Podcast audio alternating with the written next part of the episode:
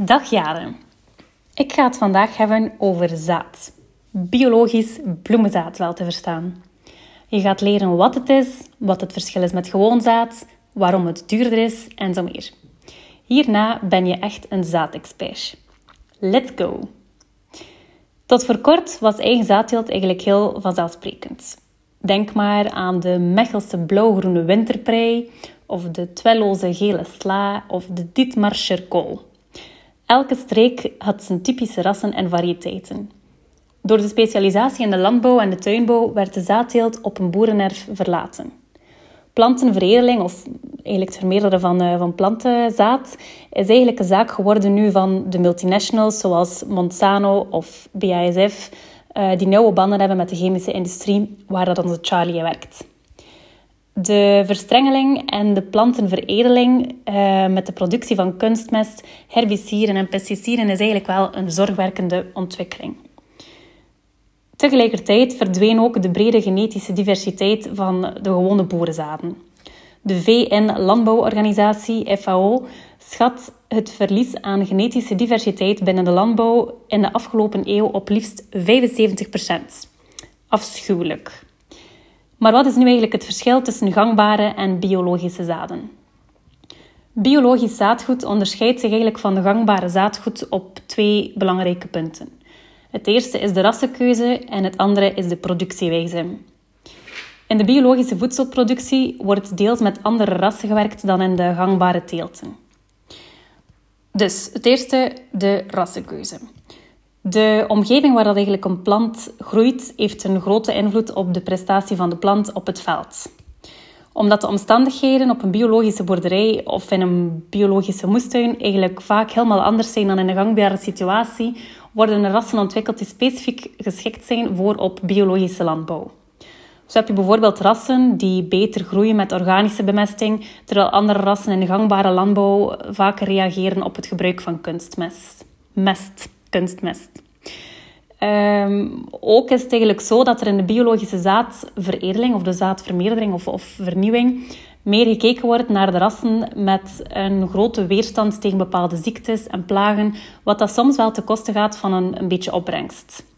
Zo worden de aardappelrassen Carolus of Sarpamira of Biogold veel op eh, biologische tuinen en akkers geteeld, terwijl dat er op de gangbare akkers vaker het ras bintje uh, opbrengst, veel meer opbrengst brengt dan, dan de biologische rassen.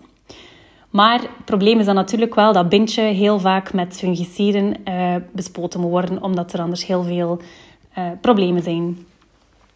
Dus het andere punt waarin dat biologisch zaadgoed onderscheiden kan worden van gangbaar zaadgoed, is de productiewijze.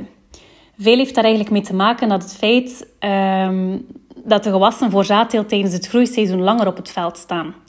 Een kropje sla is bijvoorbeeld na twee weken uh, al klaar om gegeten te worden, maar als we daar natuurlijk zaad gaan willen hebben, uh, dan staat het daar een tijdje langer om in zaad te schieten en te rijpen, zodanig dat je het zaad kan verzamelen, opslaan en, en verwerken.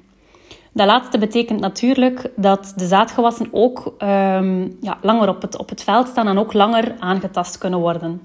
Waardoor dat eigenlijk de gangbare zaadteelt over het algemeen nog meer chemische middelen moet gebruiken dan in de gangbare groenteteelt.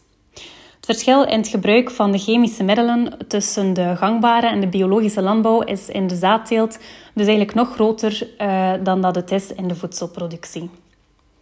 Nu, zie je eigenlijk een verschil tussen dat biozaad en het gewoon zaad? Um, eigenlijk zie je geen verschil, tenzij dat het gaat over zaad uh, voor de professionele landbouw. Dan kan er daar eigenlijk soms een laagje op gespoten worden om het kiemen tegen te houden of om de zaden te gaan ontsmetten of om de zaden te gaan omhullen. En dat laagje heeft dan soms een, gekleurd, gekleurde vloeistof uh, en een fellere kleur. Dus dan kan je het verschil zien.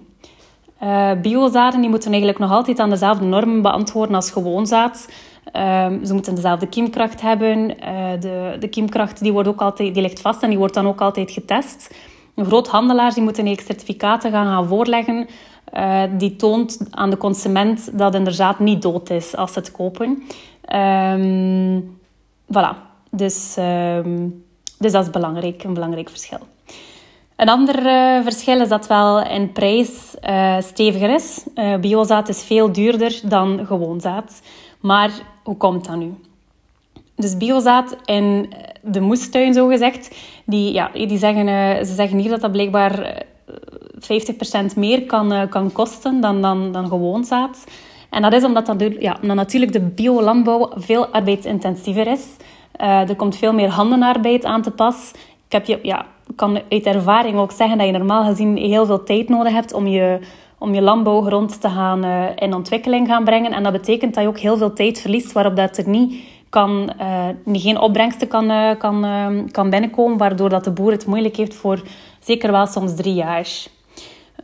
Um, waarom is het nog duurder? Ja, er, is, er is geen gewasbeschermingsmiddel of kunstmest die je mag gaan gebruiken, uh, waardoor dat die planten soms wel vatbaarder zijn voor plagen, ziektes en schimmels, waardoor dat je gewoon ja, heel veel van je, van je, um, van je opbrengst kwijt bent. Uh, de verpakking en het, het, schonen, noemen ze dat, van de zaden, die gebeurt eigenlijk ook op aparte machines, zodanig dat dat biozaad niet in aanraking kan komen met gewoon zaad. Um, biolandbouw gebeurt dan ook nog een keer op een kleinere schaal, dus er is ook niet zo heel veel biozaad beschikbaar. Dus dat zijn een aantal redenen waarom dat duurder is en waarom dat je dus eigenlijk ja, wat meer moet betalen voor, een, um, voor biozaad. Nu, het probleem is dat er niet zo heel veel uh, biologisch specifiek uh, ontwikkelde rassen zijn, waardoor dat er eigenlijk ja, toegestaan is om onder bepaalde voorwaarden uh, gangbaar zaad te gaan gebruiken zolang dat zaad maar niet ontsmet is met chemische middelen. Maar dus ook als je gewoon in je tuin als moestuinier wilt gaan zaad gebruiken, moet je ook opletten daar dat het gangbaar zaad uh, ontsmet kan zijn met een laagje chemische middelen. En dat is iets wat je ecologisch zeker niet wenst te gebruiken. Dus voilà, ik hoop dat dit interessant was. En um, ja, als je ooit een keer biologisch zaad koopt, mag je mij zeker altijd iets laten weten. Bye bye.